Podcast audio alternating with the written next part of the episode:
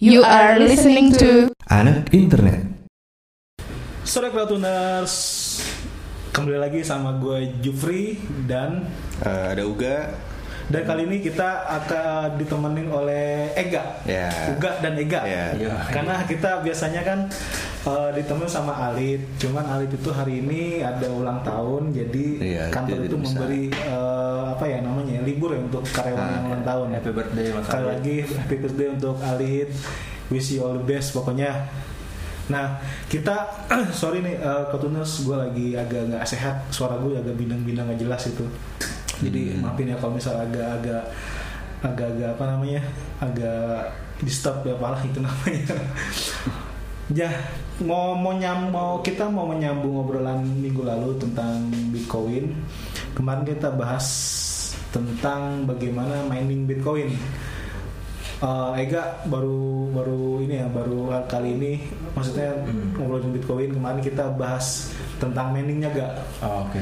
kita bahas macam-macam dari software dari hardware mau yang bagaimana bagaimana ada ada tiga jenis. Ini sebagai ini aja flashback aja eh, tiga jenis dan use eh, your money investment wisely. Artinya Bitcoin itu apa investasi jangan terlalu jangan terlalu apa ya serakah untuk berinvestasi di situ. Iya. Nah kali ini gue mau bahas tentang trading.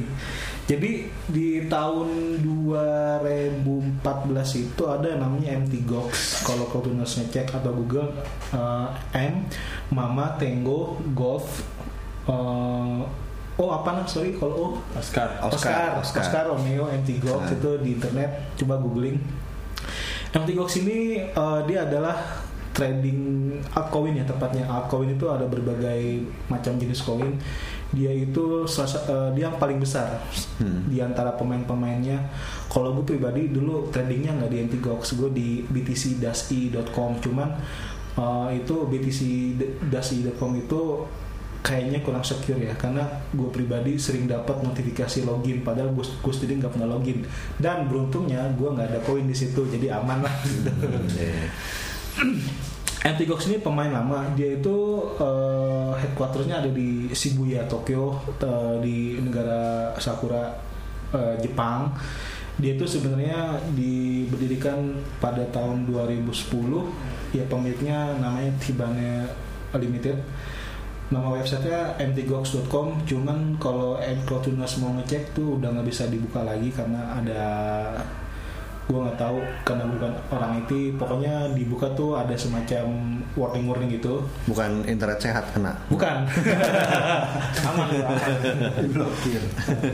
nah jadi selama selama tentang waktu 2013-2014 Antigox ini menangani lebih dari 70% uh, semua transaksi Bitcoin di dunia. Dan jelas dia didapuk sebagai the largest Bitcoin uh, trading in the world pada tahun itu. Cuman cu- ada cuman nih. Hmm. uh, biar biar, biar bagaimanapun Bitcoin kan dideklar dia nggak akan bisa ditembus oleh hacker. Tapi kenyataannya adalah Antigox dijebol hacker. Nah uh, jumlah jumlah Bitcoin yang di yang dicolong itu sangat fantastis.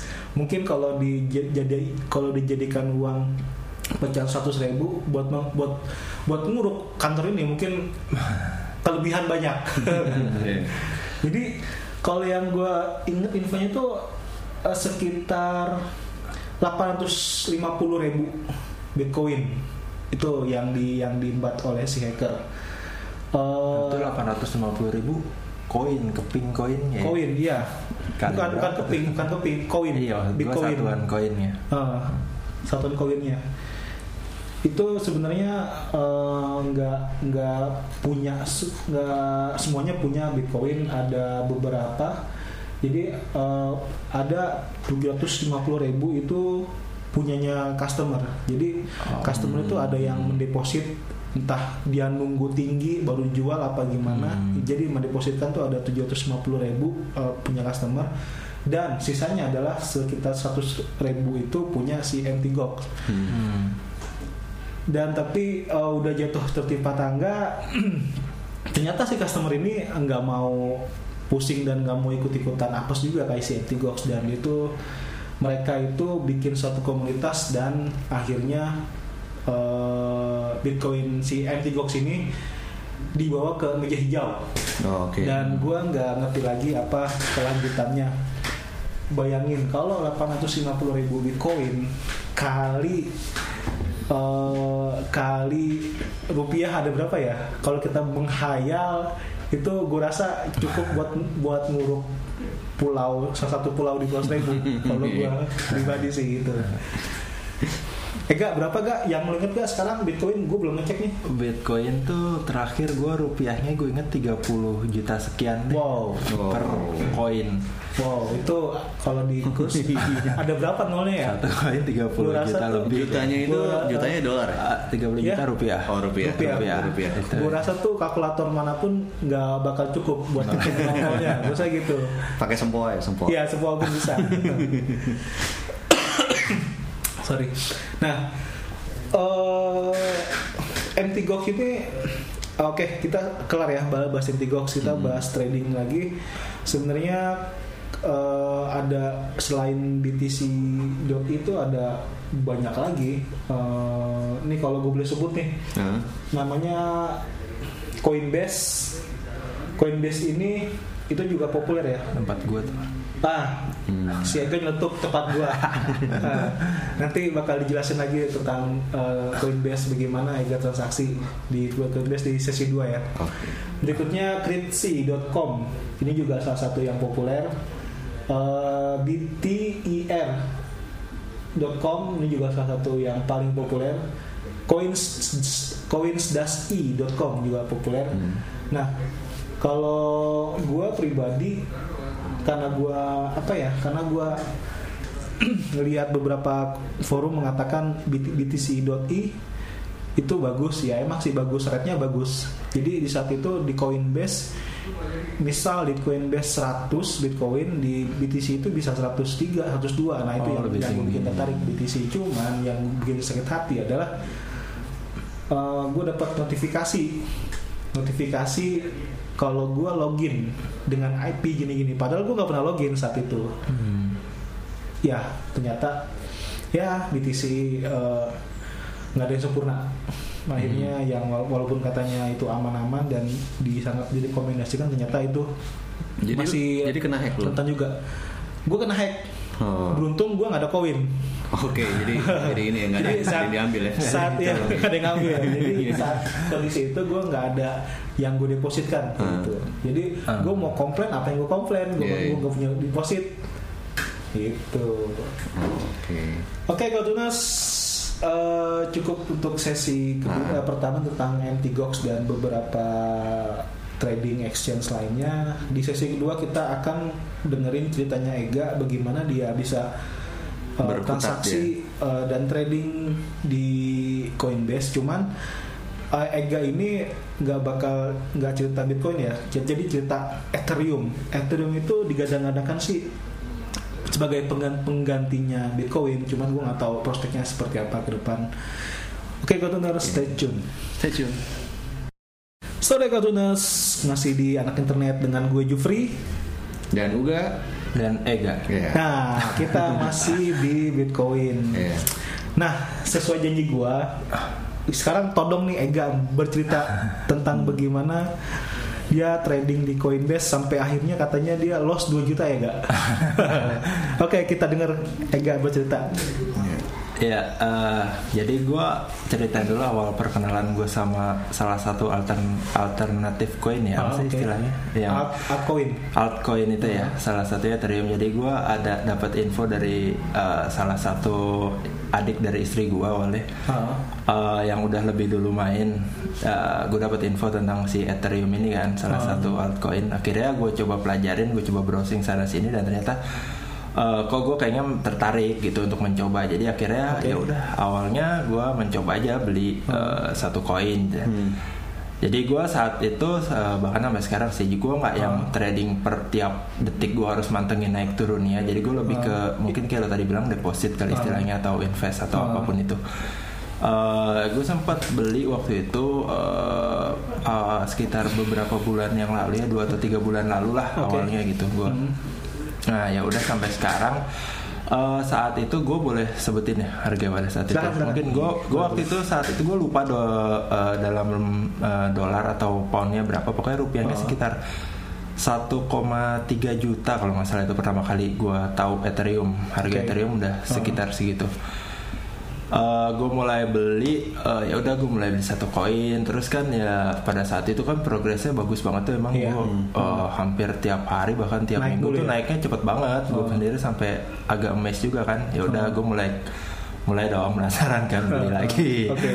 beli lagi ya sampai terakhir eh, sempet tembus di angka 5 juta rupiah tuh si Wow. Ethereum koin itu Lalu Nah, kita dari lu beli berapa tadi per koin? awal banget gue beli tuh 1,3 juta Sampai tadi lu tadi cerita sampai di 5 terakhir juta. gue dibeli terakhir tuh udah sampai di 5 juta Itu Hmm. dari rentang segitu berapa lama?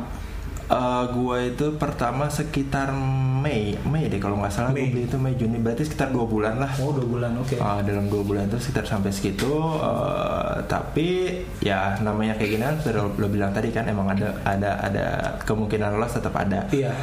dan barusan banget sih gue cek ternyata Ethereum lagi crash ya lagi down lah sekitar Hmm. rupiah tuh gue cek 2,8 juta barusan gitu Oh. jadi emang ya harus siap-siap resiko gain or loss Iya. lah kalau udah main kayak gini ya Heeh. Tapi lo nyesel nggak lo pas 5 juta itu nggak lo Uh, jual? sometimes sih ya kadang kalau gue gue kan kadang-kadang begitu saat itu kan juga gue uh, 5 juta itu gue gue inget banget saat itu terakhir gue empat uh, dua hari sebelumnya itu masih di angka 4 juta Wow. Begitu gue buka lagi tadinya gue emang ada kepikiran ah gue mau beli lagi kah? Gitu satu. Cuman gue bilang ah sekalian ah tanggal tanggung kan gue tunggu gajian kan. Heeh. Oh udah di 4 juta. Ya udahlah begitu setelah gue gajian gue buka lagi cuma dua hari udah jadi 5 juta nih gue bilang. Ah, ini antara gue itu emang emang gamblingnya adalah antara akan terus naik atau crash kan. Ya udah gue pikir ya udahlah gue nekat aja beli satu lagi gitu kan. Dan ternyata turun gitu. Sempat turun sih di 2 juta kalau nggak salah tuh. Sekarang udah mulai naik lagi kemarin udah sempat terakhir gue cek tuh hari kemarin ada di 3 juta sekian 3 juta lebih dikit Hmm. sekarang lagi turun lagi ya begitulah kurang lebihnya Jadi akun itu sangat fluktuatif juga ya kalau banget yang- banget kalau gue bilang ya. banget dan Sangat dia gue fluktuatif juga ya. nggak terlalu tahu detail faktor apa aja sih yang mempengaruhi kenaikan iya, atau iya. penurunannya gitu pokoknya tiap bahkan tiap mm, per berapa menit gue buka bisa udah naik turunnya udah selisih 100 200 Iya. ribu bisa Jadi karena emang altcoin itu emang seperti forex, dia Eh. punya analisis fundamental yes dan apa namanya gue lupa tuh ada ada dua ada analisis dan kita nggak bakal bahas ke sana karena kita bukan ahlinya ya untuk Yes. bahas bahas fundamental gitu gitu analisis. Nah nggak sekali lagi nggak Ah. Eh, lu kan ngomongin trading tadi bla bla bla bla. Ah. Nah sekarang eh, biar kau tunas pada tahu bagaimana sih prosesnya dari lu keluar duit sampai lu punya koin di website apa aja dan alat pembayaran pakai apa aja gitu. Oh, nah kalau untuk untuk untuk trading atau depositnya kan kebetulan gue main di yang tadi lo sempat sebut sih salah satu webnya Coinbase, Ah. Coinbase.com. Nah cuman eh, masalahnya Coinbase itu belum bisa digunakan di Indonesia, Oh, gitu. oke. Jadi kalau akun akun gue kan akun Indonesia nih, Iya. akun gue mungkin eh, jadi ketika gue alamat dan data gue adalah Indonesia, semua terbaca akun gue Indonesia, gue nggak bisa pakai. Nah, Nah terus lu gimana? Nah kebetulan ada uh, adik ipar gue, adik adiknya istri gue tuh emang kan uh, tinggalnya di UK dan dia bisa Oke. pakai Coinbase di sana. Jadi gue main di akun dia gitu. Oh, gitu. Jadi gue nebeng di akun dia karena kan nggak bisa akun. dipakai, uh, nggak bisa dipakai di Indo kan akun gue. Hmm. Gitu. Jadi Coinbase emang belum support Indonesia gitu. Oh gitu. Tapi emang sih banyak tuh eh, semacam financial institution tuh nggak nggak mau punya member dari Indonesia. Gue nggak tahu kenapa alasannya. Aha.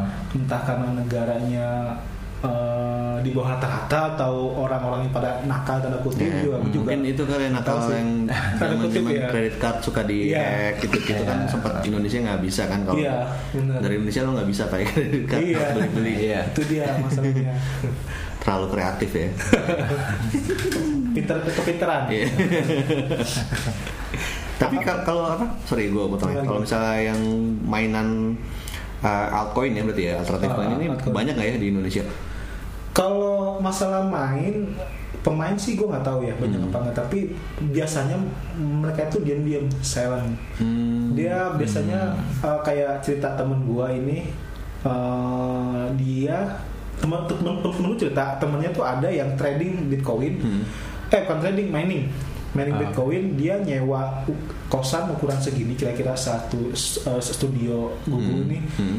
itu uh, ditempatin berbagai hardware pendinginnya ada empat pendinginnya terus dia tiap minggu bayar uh, bayar apa namanya beli tokennya Hmm. satu juta satu Hmm. juta tiap minggu tuh satu Iya. juta tapi kata temen gue sebulan dia bisa bisa beli Honda Freed kayak gitu jadi banyak tuh mereka tuh Honda Freed itu- nggak mau terlalu show off soal soal Iya. gitu tapi pasti ada Berarti kita Nah. kita ini ya apa bangga juga ya bisa kenal salah satu pemain ini Ega nih. Iya, karena karena kan orang orang pada terkesima Bitcoin, Iya. Ega ini ke Ethereum, Iya. yang mana dia punya prospek gitu. Iya. Soalnya Bitcoin belum sanggup belinya mahal. Enggak, se- sebenarnya sama aja gak. Iya. Lu beli 2 juta, lu dapat juga 0,0 Iya, sekian 0,0, gitu, sama aja. Cuman eh, lebih bullishnya sih emang Bitcoin. Iya, Gitu. Bitcoin tuh emang kalau gue sempat merhatiin kadang-kadang fluktuatifnya tuh bisa lebih besar dari Ethereum ya. Kalau gue perhatiin Ethereum mungkin di angka ratusan ribu dalam hitungan hari dia kalau Bitcoin bisa satu juta dua juta Ya, ya. itu dia.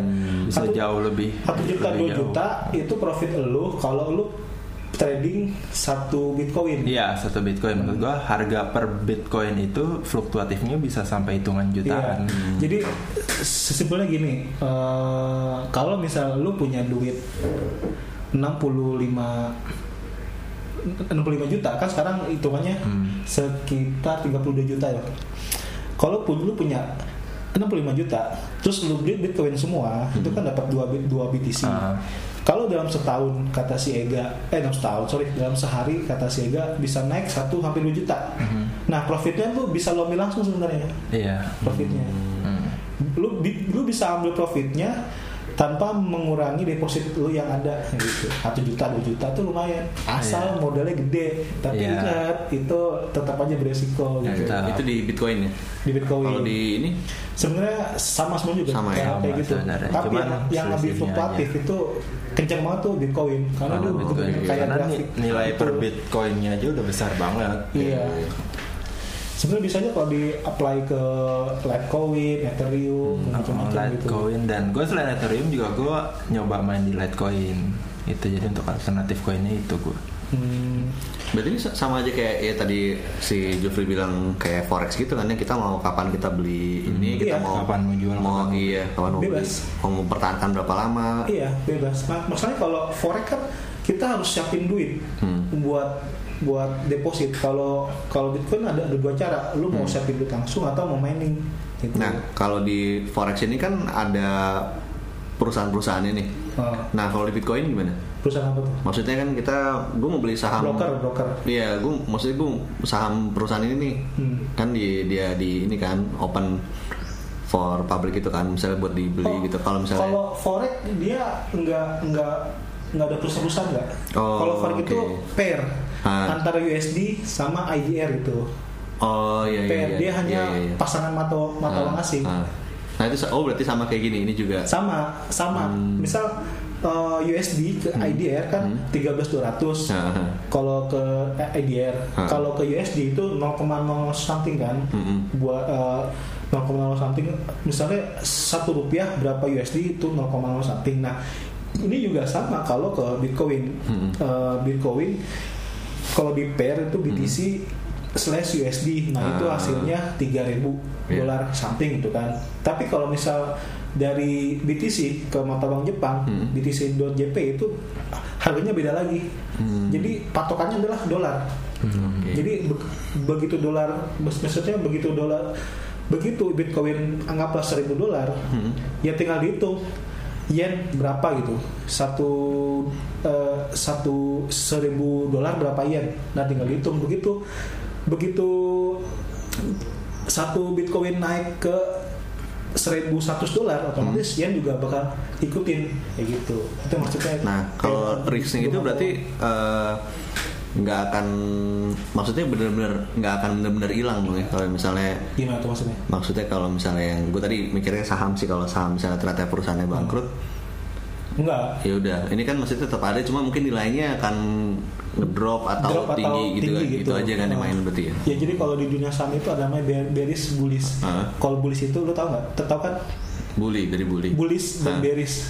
Kalau bullish itu dia mengumpamakan seperti banteng. Mm-mm. Banteng kan kalau marah kan dari bawah ke atas. Hmm. Jadi bullish itu adalah di mana harga-harga tuh tinggi. Hmm, hmm, hmm. Bearish itu ke bawah.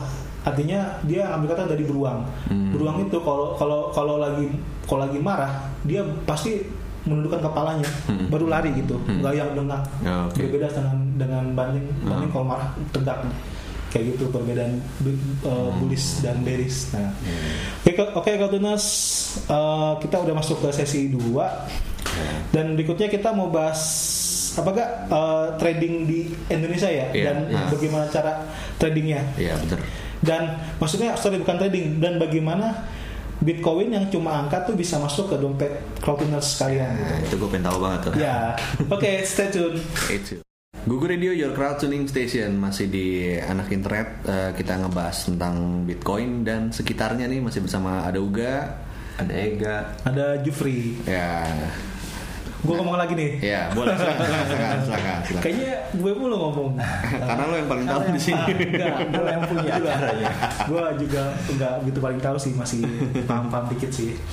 Oke, setelah sesi 2 setelah dua sesi kita bahas eh, trading, kita bahas pengalamannya Ega bagaimana trading dengan Coinbase yang notabene nggak diterima di Indonesia gue nggak tahu ta- dosa apa ya di Indonesia itu udah kayak mayat ditolak kubur gitu nah kali ini gue bakal bahas jadi gue mau sharing pengalaman gue ya dari angka-angka di wallet itu Bitcoin bisa masuk ke dompet pribadi, lu bisa beli bensin, lu bisa beli makan, bisa beli, eh, bisa ngapel, bisa traveling gitu ke mana-mana.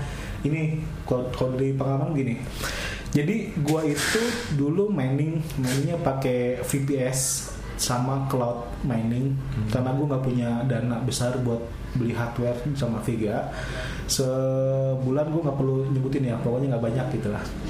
Nah gue mining di mining di mining pool itu namanya we out we love koin apa apa lah pokoknya nama itu.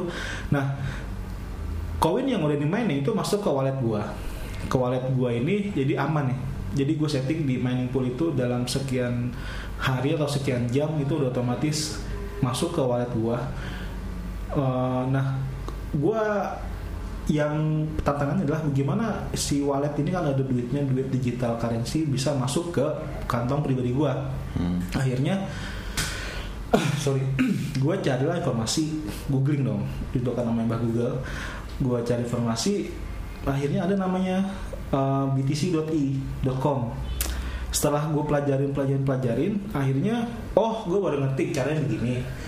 Nah akhirnya gue register gue register di BTCI habis itu eh, dan- dari dari BTC dikasih pilihan lu mau deposit apa? Deposit gue dulu mainnya Litecoin. Kalau nama di kalau nama di tradingnya LTC Litecoin nah setelah itu gue dikasih alamat dari btc.com suruh ngirim ke address itu. Gue kopas dong gue kopas address itu ke wallet gue gue kirim sekian altcoin. Anggaplah gue kirim 10 altcoin. Eh altcoin sorry 10 litecoin kirim 10 litecoin jebret nyampe tuh.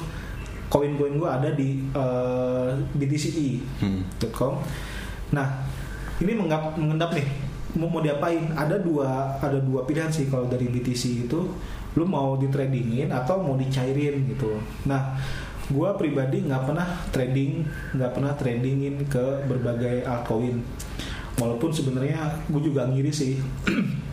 Soalnya saat itu bitcoin tuh sangat eh, fluktuatif banget. Hari ini hari ini 1000 besok 1200 sampai dari saat 2013 pun seperti itu 2013 akhirnya gue nggak pernah memutuskan untuk eh, trading gue hanya exchange.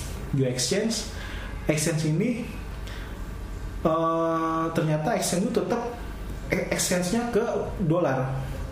Enggak enggak ke enggak ke altcoin lain. 20 altcoin eh sorry 20 Litecoin saat itu berapa ya? Kalau misal yang gue inget saat gue main itu ada 12 dolar per LTC ada 20 gue punya L- 20, 20 LTC itu sekitar berapa ya gue nggak apa lah kalau 20 LTC Ah, sedangkan per LTC 12 dolar itu berapa kali 20 aja. berapa ya 40. Nah, oke lah. Gue di kurs di exchange ke USD dapat 240 dolar. Hmm. Duit ini masih mengendap di BTC dan mereka bisa eh, dicairin dicairin ke pemilik aslinya. Ada berbagai tipe pembayaran. Hmm. Yang jelas nggak ada PayPal. PayPal itu sangat anti dan strict soal soal altcoin itu. Gue tahu gue nggak Oh, tahu iya? entah kenapa. Mungkin kalau temen-temen gue menduga tuh PayPal itu nggak mau eh, disalahgunakan. Artinya bisa jual beli Bitcoin, ah, altcoin menggunakan PayPal nanti kalau misalnya ketahuan, misal bermasalah jadi eh, money laundering, PayPal bakal kena. Hmm. Sedangkan PayPal ini kan perusahaan legal, perusahaan besar itu kan. Malu Eh. dong kalau dia jadi ketempuhan jadi penampung duit Penadah. legal atau money laundering itu. Itu sekilas tentang itu sekilas tentang PayPal. Jadi saat itu nggak ada pembayaran melalui, melalui PayPal, ada pilihan MoneyGram, WebMoney, uh, Liberty Liberty Reserve atau ke Western Union. Gue nggak mau pakai Western Union, bisa tiga hari nunggunya gitu kan. Akhirnya gue memilih ke Liberty Reserve. Seperti yang Cloudtuners mungkin ingat, eh, dua episode lalu kita bahas alat pembayaran online Hmm. itu Liberty Reserve. Iya. Jadi gue terima Liberty Reserve itu sekitar 240 dolar. itu hasil nambang selama dua minggu ya. Nyampe lah setelah tiga hari diverifikasi dengan oleh BTC, nyampe ke akun gua, akun Liberty Reserve. Nah, ini belum belum jadi rupiah nih. Akhirnya gue cari-cari eh, exchanger Liberty Reserve. Ya seperti biasa anak-anak gaul sekarang. Gan gue punya 240 Liberty Reserve berapa nih kalau dirupiahin? Sekitar 3 juta gini-gini. Ya udah akhirnya gue ngasih si exchanger itu se- 240 dolar berupa Liberty Reserve dan si exchanger ngasih gue 3 juta something. Nah Hmm. itulah proses yang panjang untuk untuk menguangkan Bitcoin. Tapi kalau di Indonesia sebenarnya ribet aja. Ada namanya bitcoin.co.id Hmm. tadi gue sempat ngintip websitenya kantornya itu ada di Bali di Bandung Bali eh, tepatnya jadi eh, emang sih sejak tahun 2012 2013 it- 2012 dan 2013 itu bitcoin.co.id itu jadi juga situs rujukan buat exchange bitcoin.